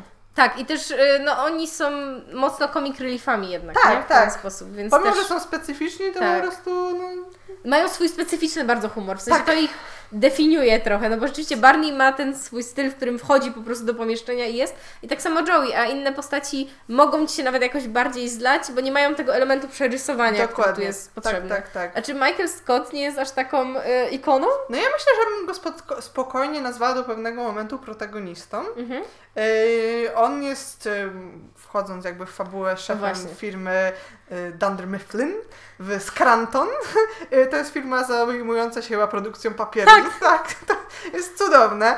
E, No właśnie, bo tu mamy też trochę inne miejsca, nie? Tak, w sensie miejsce nie pracy. Tak, tak bo tu dokładnie. jesteśmy w biurze, oho, jak mówi nazwa, a wcześniej no właśnie mieliśmy zazwyczaj te mieszkania i miejsca spotkań, nie? I tu nie mamy jednak tej grupki przyjaciół. To są Mhm. grup, to jest grupa współpracowników, mają swoje właśnie, mają swoje e, przyjemne momenty, Mhm. e, aczkolwiek nie jest to tak, że oni się wszyscy uwielbiają. Mhm. Wręcz no, jest tam dużo śmiesznych e, konfliktów. No w tych odcinkach, co ja widziałam, no to już były, e, że Ach. tak powiem, żarciki między chyba właśnie Dwightem a Johnem Krasińskim, który ma na Jim. imię Jim. Jim okej. Halpert, który jest moją ulubioną postacią z tego A. serialu, tak. E, chyba już jest to w pierwszych odcinkach, kiedy on mu za, w, galar, w galaretkowuje Tak, tak, tak. strzywacz. I to też jest ikoniczny moment i on się już wydarza na początku i to już zostanie.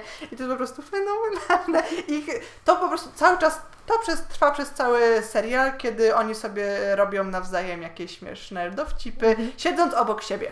To jest myślę, że istotne. Nie chcę żadnego zdradzać, bo one są tak indywidualnie śmieszne. Chyba to jest moja ulubiona część The Office. No, nice. No i The Office właśnie dało nam ten tekst, który jest tak ikoniczny, który potem można porównać do tekstu z innego sitcomu, który się jeszcze u nas pojawi, Tak.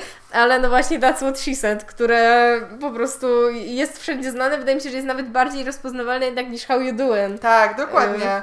E, Znaczy, wydaje mi się, że to jest jedyna taka przestrzeń, w którym e, The Office ciągnie coś z poprzednich sitcomów, bo on jest totalnie niezależny. To jest zupełnie inny sitcom i to trzeba przyznać, ale jednak są te catchphrase'y, y, są inni bohaterowie, jednak mówiliśmy, że mamy tego jednego głównego, ale to jednak jest odrębny serial i myślę, że po tym, co powstało później, to nadal jest odrębny serial. Tu się zgadzam. Mamy też kolejny serial, który jest y, dokumentem, czyli no to, co już pojawia się w The Office, czyli że postaci y, wypowiadają się do kamery, Tak. jakby, jakby to działo się naprawdę i komentowały te sytuacje, które mają miejsce. Tu muszę oddać, że tak powiem, trochę Jimowi, bo on Mhm. ma fan, fantastyczne, to jest mocno teraz uruchamiane, spojrzenia prosto w kamerę. On nawet Mhm. nic nie mówi, on wystarczy, że po prostu złapie tą kamerę i to, to, to fantastycznie działa. Tak, właśnie, nie, bo nie tylko mamy te wywiady, kiedy Tak. jakby postaci komentują to, co się działo przed chwilą, ale to, że one, ta kamera jakby trochę jest w pomieszczeniu, w sensie, że Tak, one oni czasem cały patrzą... czas ich otacza. Tak. My o tym zapominamy tak na dobrą Mhm. sprawę, no bo to jest jakby filmowane w ten sposób, żeby właśnie, żeby o tym zapomnieć,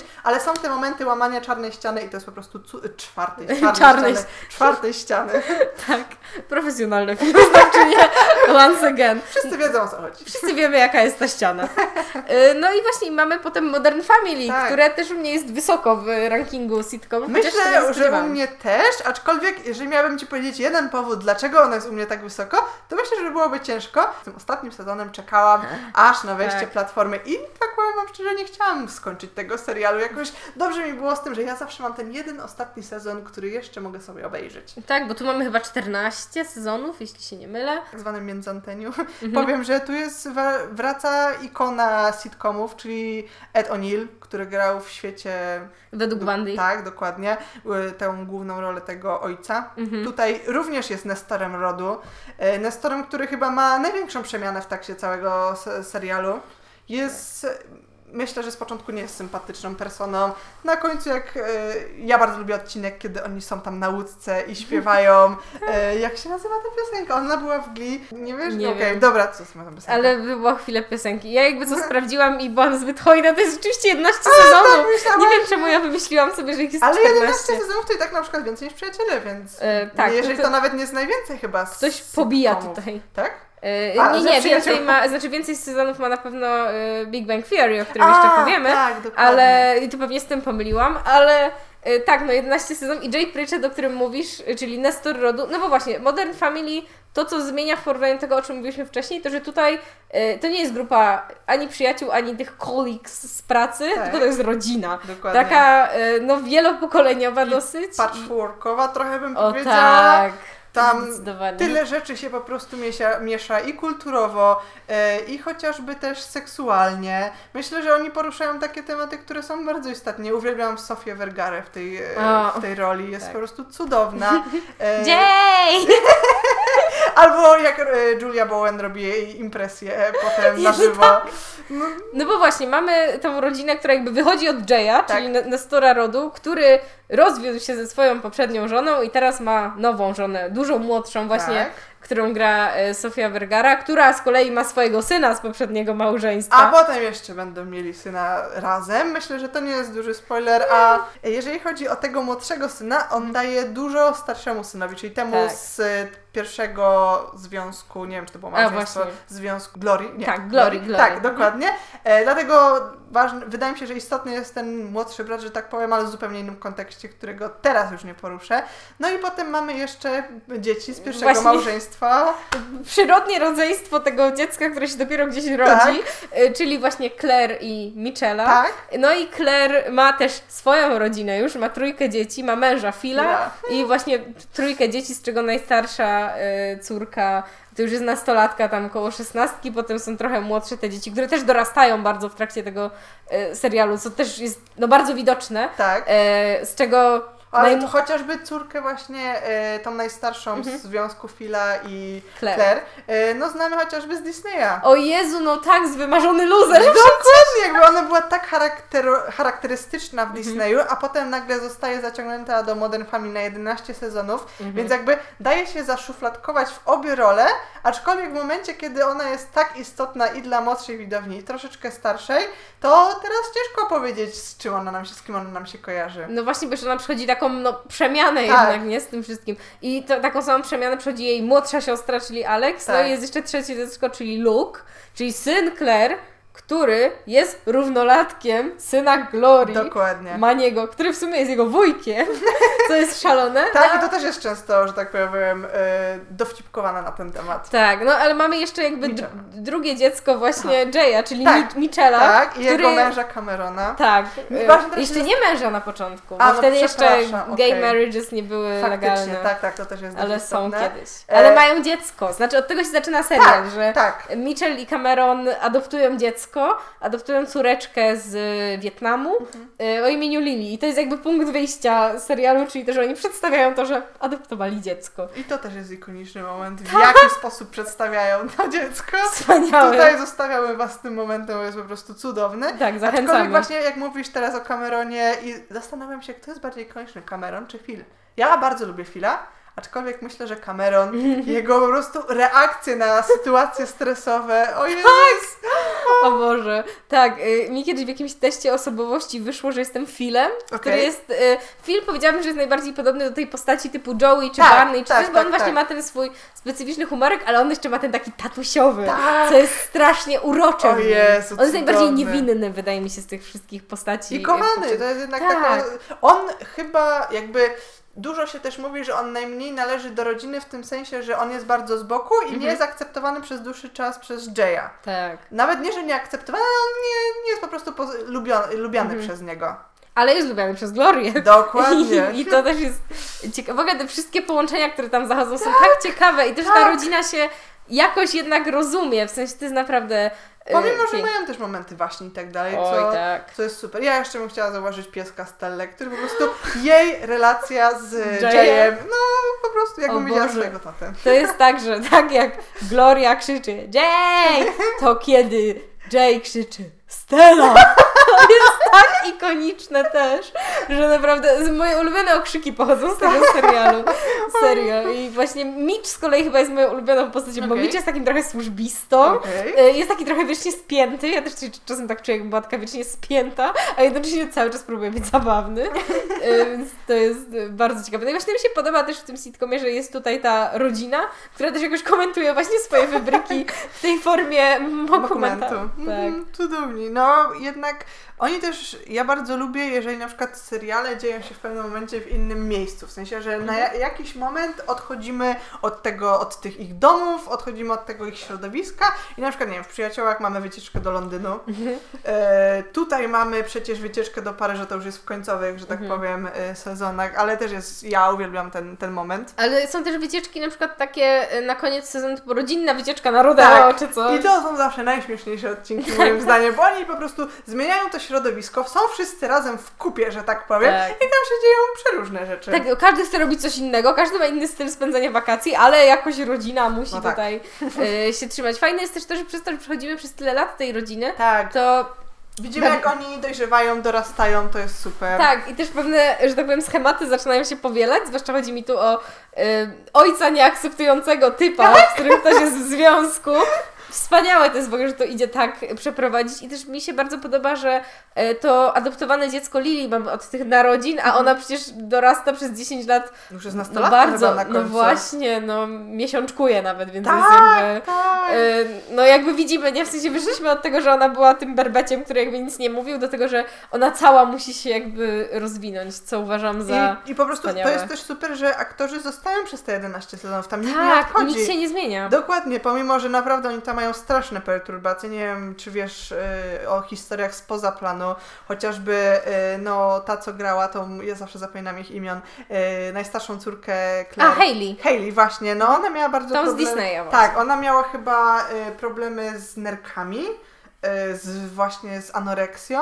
A z kolei młodsza siostra, która na żywo się nazywa Ariel, to pamiętam, ale Alex? Mhm. nie pamiętam Alex dokładnie, a w, realnym życiu Ariel, y, została, miała wojnę sądową z, ze własną matką. I to też jakieś mo- bardzo mocno tą y, obsadę y, zrzeszyło. Mhm. I to widać. Totalnie o tym nie zagłębiałam się w to nawet tak bardzo. Jedna osoba, którą chyba właśnie na Instagramie stalkowałam, to był aktor, który gra Micza. Okej. E, ale nie spodziewałam się, że ten serial może być trochę tak przeklęty jak Glee, Do- ale... o. Znaczy Glee jest bardziej przeklęte, o czym powiemy. Zrobimy ankietę na Instagramie, czy ma być odcinek o Glee, to zrobimy odcinek o Glee. E, ale no, może nie aż tak jak obsada Glee są przeklęci, Tak, ale no jednak to też pokazuje, że no to są ludzie, nie? My widzimy ich po prostu w tych takich śmiesznych momentach, no bo bądźmy że si- sitcomy głównie na tym bazują. Są momenty smutne, o których już mówiłyśmy, że to się zmieniło w sitcomach, ale to jednak wciąż jest takie, no można powiedzieć, że trochę łatwe życie. Tak, bo przede wszystkim nadal zawsze mm, humor jest wyciągany z To tej są sytuacji. też dosyć zamożne rodziny. Oni O, nie mają tak. takich problemów, e, że tak powiem, nie wiem, co do włożyć do garnka albo tak dalej, więc to też jest dość symptomatyczne. Nie widzimy też takich problemów, że nie wiem, e, dziecko się źle uczy i że to jest naprawdę tragedia, bo na przykład jak potem jest w euforii, że chociażby Mhm. problem z narkotykami. Tego nie ma. Tam sitcomy opierają się na tym, że to jest po prostu troszeczkę bajkowe. To jest Nawet takie więcej niż troszeczkę. uproszczone życie, nie? W Tak, sensie, że ono dokładnie. właśnie zawiera to, że wszyscy są na pewnym progu finansowym, mają te duże domy, w Tak. których mieszkają dzieci i że są to takie problemy, no nazwijmy to jak problem pierwszego świata, nie? W Dokładnie. sensie, to wiadomo, że to są też rzeczy, z którymi wiele osób może się utożsamić. I wydaje mi Tak. się, że to jest siła sitcomu, że na przykład właśnie w czymś takim jak Modern Family, jednocześnie nastolatki mogą się utożsamić na przykład z tym, że przechodzą przez kolejne etapy edukacji, Mhm. potem pojawiają się studia, a na przykład rodzice z tym, że pojawia się w pewnym momencie syndrom pustego gniazda, bo Tak. dzieci nagle wszystkie są gdzieś poza. I to też jest bardzo ciekawe, no przechodzimy przez to dojrzewanie, ale jednak nie mamy takich problemów, y, które nie są zależne od samych postaci, w sensie właśnie tak jak powiedziałaś, jakichś ekonomicznych czy czegoś takiego, no też jakby w Modern Family Jay jest magnatem szaf, nie? Więc Dokładnie. jakby tam fi- firma pracuje ostro. No i potem przejmuje tą firmę jego córka, więc to Mhm. też jest symptomatyczne, że jednak nie chcę powiedzieć tu o nepotyzmie, ale no są takie momenty, kiedy po prostu ciężko zwrócić uwagę na problematyzację sitcomów. One mają nam dawać radość i to tyle. I mi właśnie to troszeczkę tego brakuje, tego prawdziwego życia. To jest w ogóle też stematyzowane w tym serialu, o którym nie będziemy aż tyle mówić, czyli o Bojacku Horsemanie, Tak. który jakby opowiada jednak o bohaterze, który kiedyś był gwiazdą sitcomu i on sam ma taki duży sentyment do tego formatu i właśnie tego, że sitcomy były po to, żeby sprawiać trochę ludziom radość i ja je, no biorę je w takiej formie bardzo, Dokładnie, no to, to też też, jest... e, są comforting bardzo przez to. Tak, zdecydowanie. No na to też ma wpływ forma, o której mówiłyśmy. Mhm. Ta jedność przestrzeni to samo na to wpływa, że my po prostu jesteśmy zaznajomione z, tą, z tym serialem, z tą formą i no jakby jak to kupujesz, to myślę, że to jest idealny gatunek. I z tego miejsca możemy przejść do e, sitcomu, z którym pomyliłam Modern Family, jeśli chodzi o długość sezonów, bo to jest sitcom, który ma tych sezonów 13. Jest to Big Bang Theory, czyli teoria wielkiego podrywu. Dokładnie. Ja jak zaczynałam Big Bang Theory, to w życiu bym nie powiedziała, że ja się dam porwać, nie? To jest e, serial o tak zwanych nerdach. Tak. Myślę, że można to śmiało powiedzieć. Oni nie, nie dają siebie lu- lubić od pierwszego odcinków, sezonów Zwłasz- nawet. No, Zwłaszcza jeden z głównych bohaterów. czyli Sheldon. Bo Dokładnie. mamy tutaj, y, powracamy trochę do sytuacji sąsiedzi, Tak. bo tutaj mamy y, dwóch nerdów, czyli Sheldona i Leonarda, którzy mają nową sąsiadkę, to jest punkt wyjścia, czyli Tak. Penny, czyli... Która jest takim mumcicielem troszeczkę.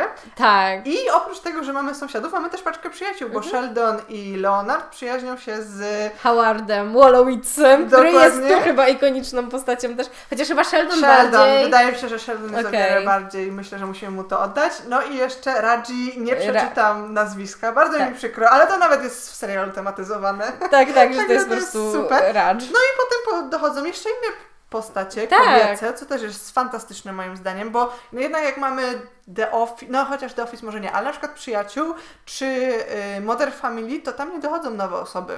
To prawda, To tutaj... jest ciągle ta sama grupa. Tak, tutaj zdecydowanie, znaczy w przyjaciołach w sumie dochodzi y, pewna osoba partnerska, ale dosyć późno bym powiedziała. Tak, no i to jednak też wydaje mi się, że to nie wpływa na, na tą całą grupę przyjaciół, a jednak tutaj dziewczyny mają dużo do gadania. O tak, a jeszcze jedna z dziewczyn jest y, pochodzenia polskiego, co ja Tak? bardzo lubię, że mamy tutaj polski kontekst Big Bang Theory. E, no bo wszyscy nasi nerdowscy koledzy są e, uczelnianymi kolegami, którzy zajmują się tam naukami ścisłymi. Sheldon zajmuje się e, teorią strun. Tak. I właśnie Sheldon Cooper no, jest bardzo ikoniczną postacią przez to, że on jest trochę aspołeczny, Mhm. funkcjonuje w bardzo specyficzny sposób. Sheldon, Sheldon ma autyzm, chociaż nie wiemy tego od początku.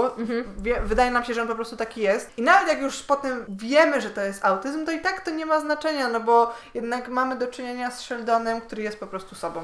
Tak, i też fajne jest to, że Sheldon przechodzi przez różne y, jakby sytuacje. Nie w sensie, że Tak. wchodzi też w związek i tak dalej. Nie No jest taki... życiowy, on po prostu Tak. zostaje doświadczony przez życie, bo do tego momentu, póki nie poznają Penny, no to oni jednak mają te swoje książki, są tymi nerdami i są zachwyceni swoim życiem, yy, po prostu takim jaki jest, nie chcą żadnych zmian. A jednak Penny przynosi burzę. Tak, bo Penny przynosi właśnie takie y, bardzo zwykłe życie. W sensie Tak. ona wyciąga ich trochę z tego świata nauki, co jest bardzo ciekawe, chociaż to jest sitcom, którego nigdy nie zrewatchowałam. W sensie nigdy nie Ja zrobiłam... jest bardzo długi. Y, No właśnie też przez to pewnie, ale w ogóle nigdy na przykład nie miałam takiego, o włączę sobie tam odcinek, Mhm. bo jakoś tak y, przeszłam przez całą tę strukturę serialu, ale potem jakoś nigdy nie chciałam No wracać. ja myślę, że ta struktura jest bardzo ważna, bo yy, na tle wszystkiego tam się bardzo zmieniają związki między tymi wszystkimi postaciami. Już nie mówię nawet o miłosnych, tylko Mhm. nawet przyjacielskie. Bo ja na przykład, nie wiem jak ty, uwielbiam yy, Penny i Sheldona, kiedy oni mają tego najwięcej czasu O i oni Jezu. są po prostu tak z innej planety i to Mhm. tak dobrze działa, że dla mnie są po prostu ulubionym duetem chyba w sitcomach. Tak, jeszcze ich śpiewanie sobie soft kitty, warm kitty. Wspaniała Ja bardzo piosenka. lubię, jak Sheldon uczy Penny jakichś tam różnych wzorów Mhm. fizycznych i tak dalej, a Penny mówi, pyta, jakie są Kardashianki. Tak! Przecież to jest cudowne. Tak, to jest też rzeczywiście wszystko bardzo przerysowane, w sensie jak bardzo Tak. oni są z innych światów, ale to fajnie potem działa, kiedy te światy zaczynają się mieszać i oni rozumieją, że w sumie to oboje mogą gdzieś działać na tym pograniczu i że to się gdzieś tak naprawdę łączy, więc to jest fajne. Y, Jeszcze jednym sitcomem, o którym wspomnimy, na który Ty się bardzo Tak. cieszysz, jest ten, który też łączy nam trochę światy, ale bardziej światy płci, bo tutaj Mhm. nie mamy sąsiadów, a mamy współlokatorów. Dokładnie. I mówimy o New Girl, czyli na polski to jest Jessie Chłopaki. To jest w ogóle straszne. Tak samo jak straszna jest czołówka, która zostaje w pewnym momencie zmieniona. Dla mnie to jest po prostu, no hańba. Y, Mhm. Powiem tak, oryginalna czołówka nie jest dobra, ale jest, jest jakaś taka ikoniczna, Mhm. a to, co się potem dzieje, to jest po prostu jeden wielki żart. nie wiem, kto to zmienił, ale już to zostawmy to. W każdym razie Jessie Chłopaki to jest chyba mój ulubiony sitcom, który widziałam ostatnio. Widziałam go we wrześniu, chyba przy, widziałam go może w dwa tygodnie, po prostu siedziałam i non-stop oglądałam. I to chyba jest właśnie, to jest taki typ y, serialu, który się ciągle chce oglądać, bo jednak sitcomy są takie, że nie możesz sobie obejrzeć po trzy odcinki i potem potrzebujesz trochę przerwy. Mhm. A ja właśnie uwielbiam New Girl za ten binge watching, który po prostu totalnie mną zawładnął. Tak, New Girl ja też oglądałam całkiem niedawno w ogóle, jeszcze w zeszłym roku, ale, ale też tak dosyć szybko gdzieś tam wybejrzałam. No, tu mamy ikoniczną postać Zoe Deschanel, która jest chyba z tą rolą najbardziej kojarzona. Ja no bardzo też, jej nie lubiłam w filmie 500 dni miłości, tak to się chyba nazywało. Tak, ja właśnie chciałam powiedzieć, że to jest jej druga rola, z której jest Tak? znana. A nie lubisz tego filmu w ogóle? Nie, w ogóle nie lubię filmu, A ja nie lubię jej tam roli, bardzo mnie tam denerwowała. Ja wiem, że ona taka tam miała być, Mhm. ale strasznie mnie denerwowała i potem dlatego też nie mogłam z tą Jess jakoś się dojść tak, do takiego momentu, że okej, zaczynam. Ale potem słyszałam dużo, dużo opinii co do postaci męskich w tym serialu i w sumie chyba dlatego to puściłam. Okej, to ja właśnie lubię bardzo 500 dni miłości, lubię też jej postać tam Okej. i to jest film, o który też ki- kiedyś możemy się pospierać, e, bo ja akurat jestem fanką. Nasza Martyna jest też największą fanką chyba O, ever proszę. tego filmu. E, ale w każdym razie, no, serial opowiada o Jess, która jest, uwaga, nową dziewczyną w mieszkaniu, bo po rozstaniu ze swoim chłopakiem szuka nowego lokum i znajduje je u trzech wspaniałych postaci w mieszkaniu. Kawalerów. Które, tak, które też w ogóle się zmieniają, ponieważ w pilocie mamy Tak. e, bohatera, który nazywa się Coach, w sensie, no mówią na niego trener. Pseudonim, tak, Tak, zdecydowanie pseudonim tak trener, który-. W pierwszym odcinku, jakby popilotowym, zostaje wymieniony na Winstona, bo jednak aktor, który Ale go to była świetna zmiana, to trzeba przyznać, że jednak Winston, ojejku, Winston i jego kat Ferguson. O Jezu, tak, iconic. No, no nie, znaczy ja, ja tam chyba nie jest postać, której ja nie lubię. Tam są tak fantastyczne postacie. Nawet przyjaciółka głównej bohaterki, która na początku jest chyba trochę takim Jest taka stereotypowa na początku. tak i troszeczkę mi przypomina Glorię z Modern Family, no bo Mhm. nie chcę powiedzieć, że ta, ta, ta przemiana kulturowa, ale jednak ona przynosi coś świeżego do Mhm. tego świata amerykańskiego.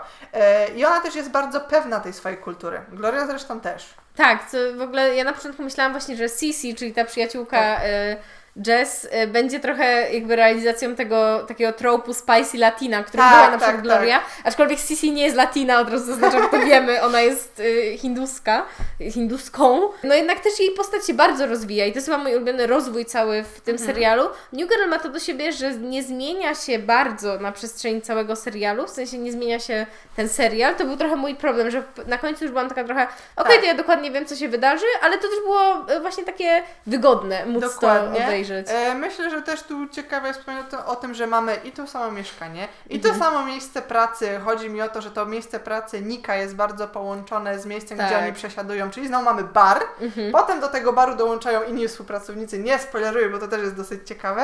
E, I myślę, że tutaj mamy połączenie różnych tych, e, że tak powiem, znanych nam. Tropów. Dokładnie.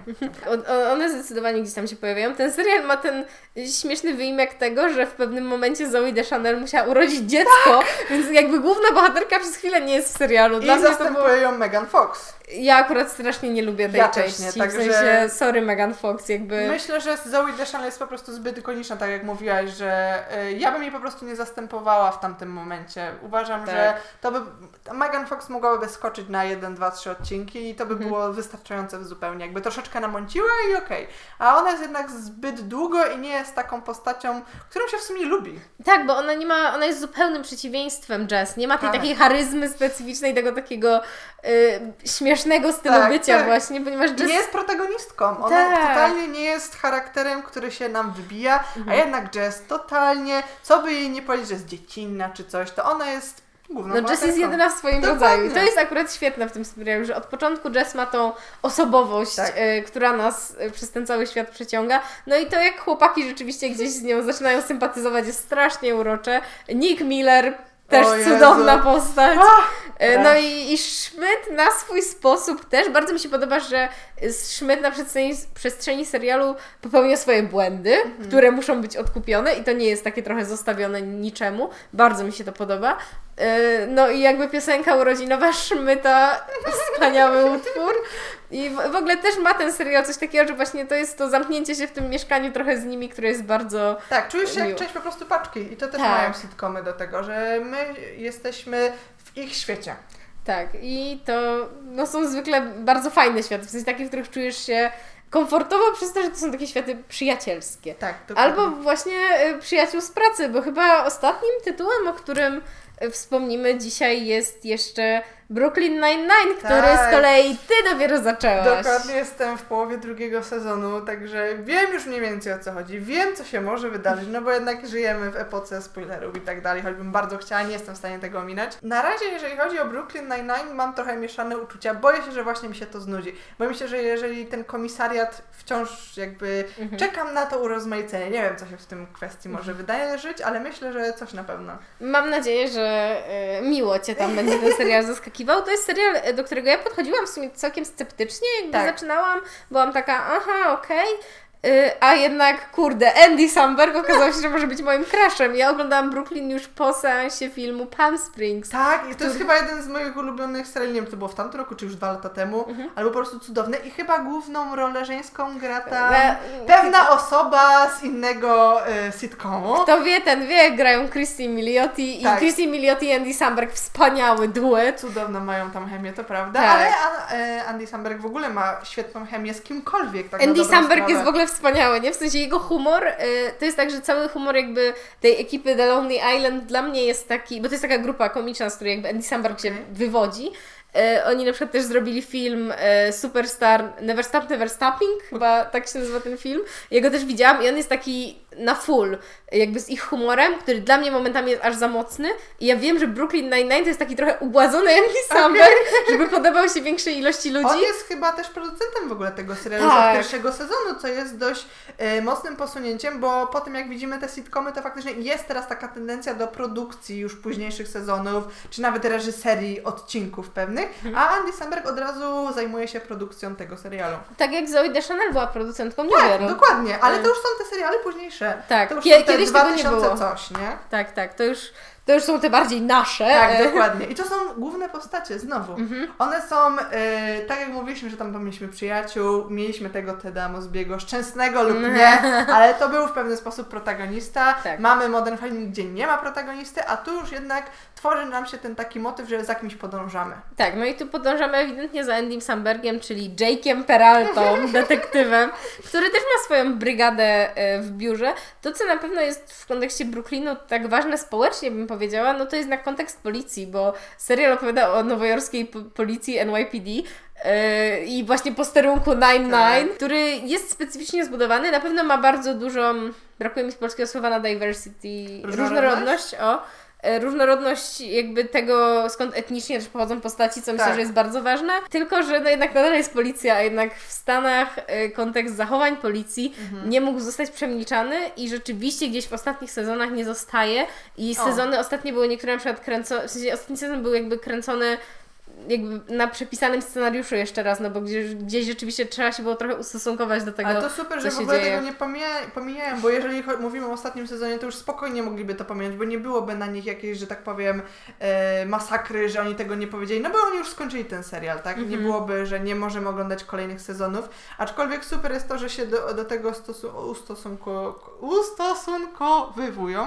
Tak, nie, niekoniecznie robią to, powiedziałabym świetnie, jakby Okej. już znając te sezony, ale cieszę się, że to zrobili. W sensie niektóre jakby same głosy tam wypowiedziane myślę, że są bardzo ważne i cieszę się, że to się wydarzyło. A sam serial y, też wydaje mi się, że dobrze, dobrze się go ogląda i naprawdę ten humor jest też, nie jest taki specyficzny, ale ma swoje właśnie catchphrase'y. Tak, to też jest w sumie też, to też jest y, ten serial, który długo trwał i też niedawno się skończył. Tak, tak, właśnie dopiero niedawno przecież były te ostatnie sezony, które mają swoje sensowne domknięcie, więc też myślę, że wiedzieli, kiedy go rzeczywiście skończyć. I naprawdę, no mamy tutaj ten tekst, który ja porównuję zawsze do e, That's What She Said, Okej. czyli Title of Your Sex Tape. A, to, E, a tak, no tak, przecież już wiem Tytuł co. twojej tak, sekstaśmy, tak.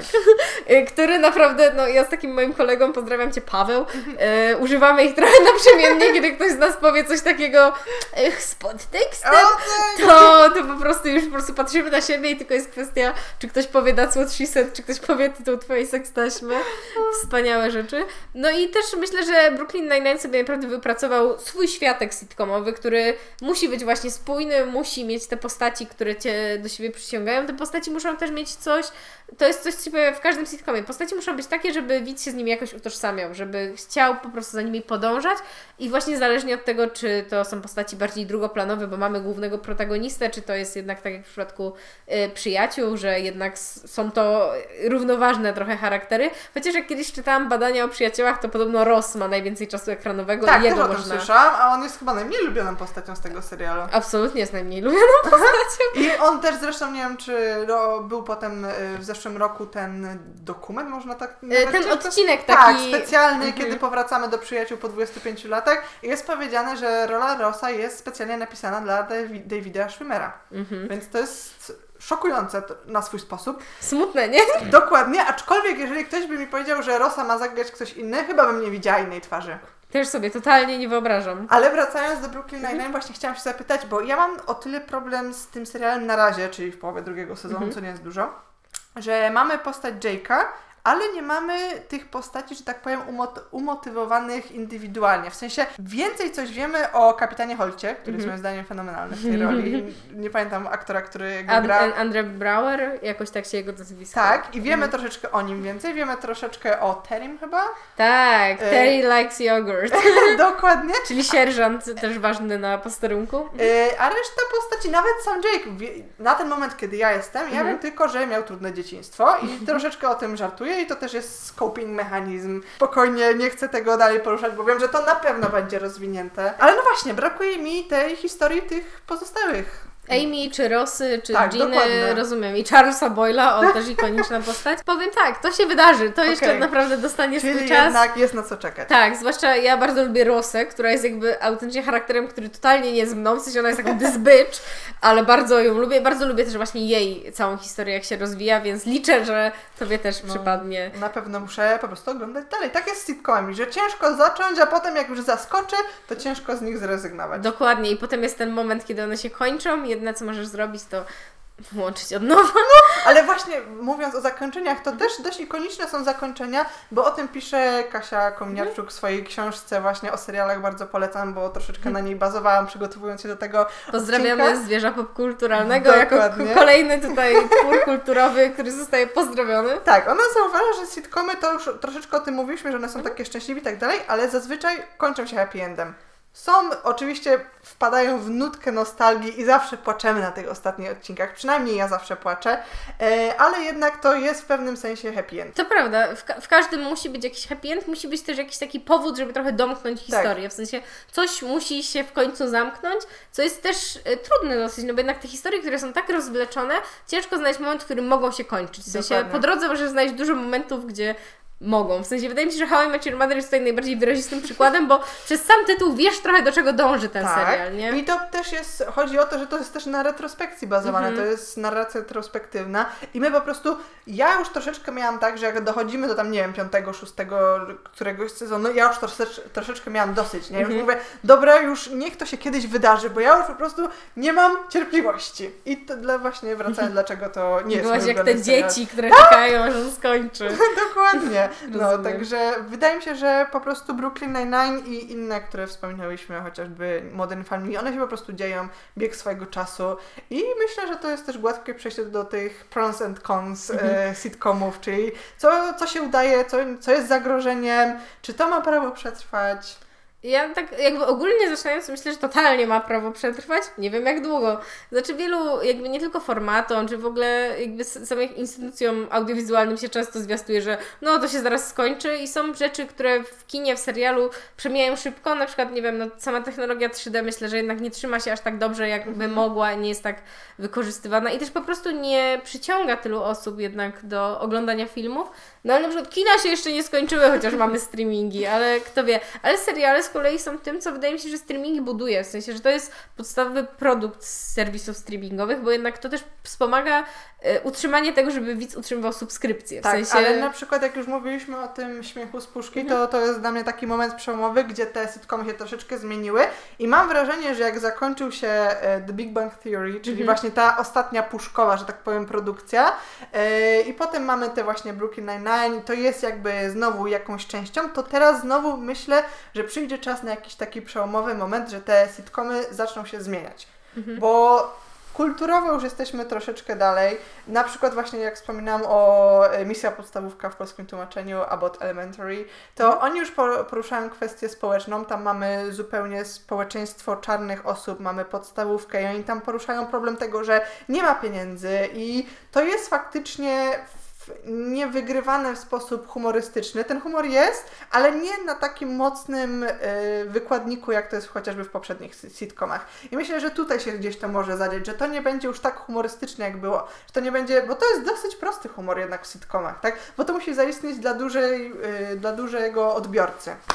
Tak, wydaje mi się, że zdecydowanie sitcomy trochę pójdą tam, gdzie idzie myśl taka kulturowa, czyli Mhm. właśnie pójdą w to, o czym mówiliśmy, że brakowało w tych sitcomach, które jednak zakładają, że bohaterowie są pewnego statusu ekonomicznego, żeby mogli martwić się tylko pewnymi sprawami. To jest właśnie coś, co na przykład w tym Brooklynie, który jest świadom jednak od pewnego momentu stosunku ludzi wobec policji, Mhm. czy właśnie o czym, co jest w Derry Girls, co jednak jest trochę bardziej e, historyczne, no bo jednak Tak. odwołuje się do starszych czasów, ale do takiego większego kontekstu kulturowego, w sensie też e, różnych sytuacji i że zaczniemy obserwować trochę innych bohaterów. I to też jest taka zmiana, która moim zdaniem powoli gdzieś tam wykluwała się też już przez te puszkowe sitcomy czy coś. I też na przykład w Modern Family jednak mamy dużą różnorodność właśnie jakby etniczną postaci i też ich orientacji. Tak Ale co ciekawe, jeżeli wrócić do tego rasizmu, który mówiliśmy na początku odcinka, to nie ma dużo postaci czarnoskórych. Mamy to dopiero w Brooklyn Nine-Nine, we wcześniejszych sitcomach, o których mówiliśmy.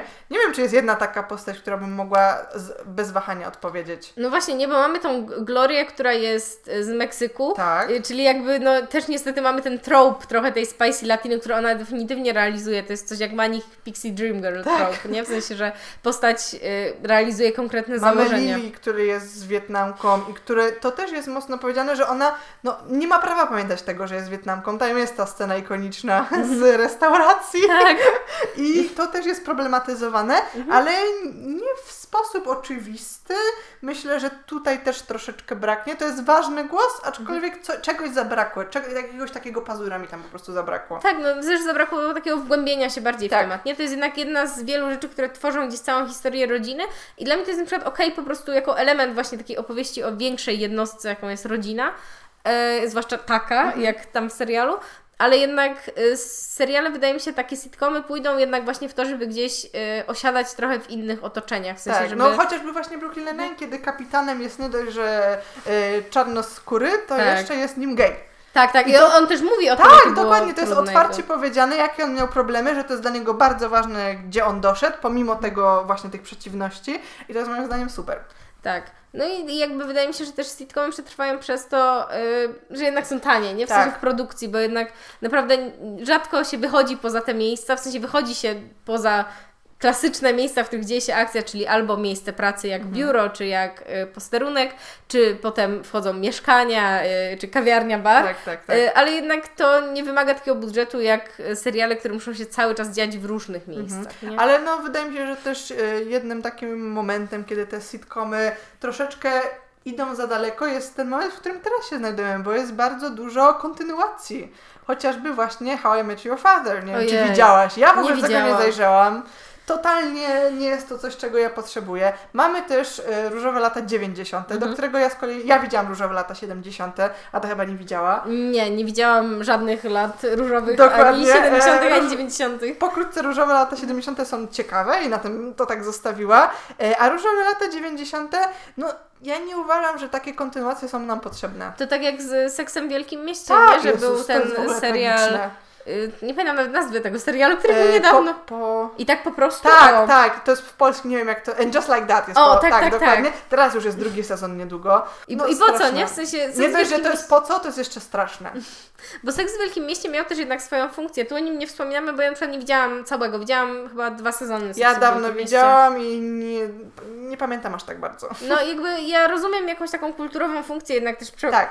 Przełamywania tej bariery, mówienia Myślę, o seksie. że dla kobiet to też jest istotne, tak? Bo Carrie Bradshaw jest ikoną Tak. dla świata kobiecego i nawet pomijam tą kwestię modową, ale ja uwielbiam ją poprzez tę jej pracę. Mhm. Ten dziki pracoholizm, ale to, pomimo to, że ona kocha tą swoją pracę i to jest dla mnie, jeżeli chodzi o tak w Wielkim Mieście, główna zaleta. Tak, no i tam mamy też postać na miarę Joya Barneya i wszystkich, czyli Samantę. Tak.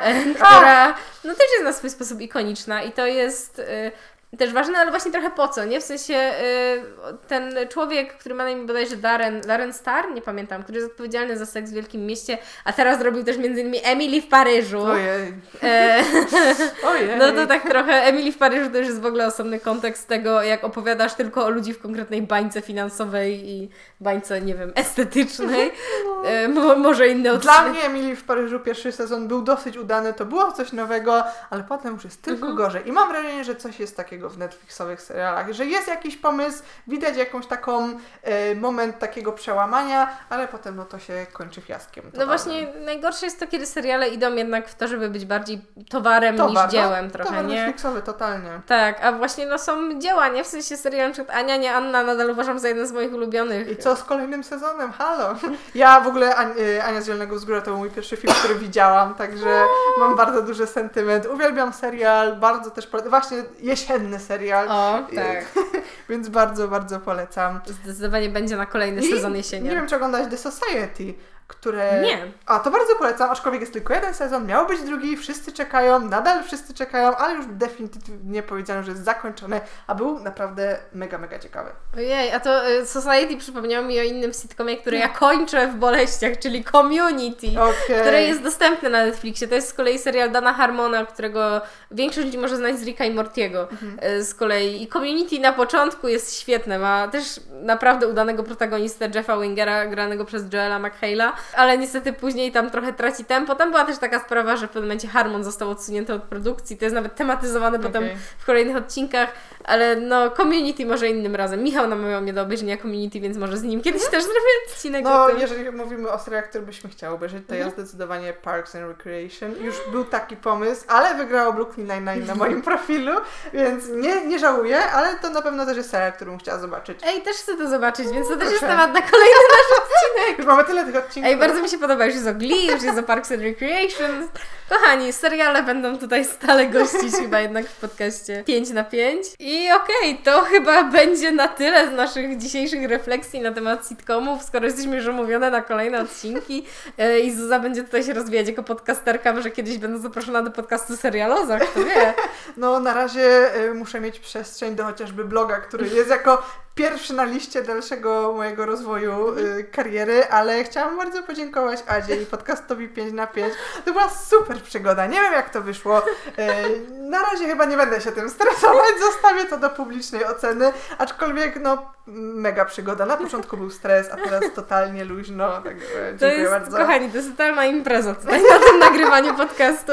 Ja bardzo dziękuję Tobie, że chciałaś przyjść e, do 5 na 5 e, porozmawiać o serialach. Cieszę się, że mogłam zrealizować z Tobą odcinek o sitcomach, które dla mnie są gdzieś tam bardzo ważne i cieszę się, że z takim, taką specjalistką jak Ty mogłam też o serialach porozmawiać. No, a Wam wszystkim dziękujemy za wysłuchanie tego odcinka 5 na 5 i zapraszamy do następnego odcinka za tydzień. Pa! Pa!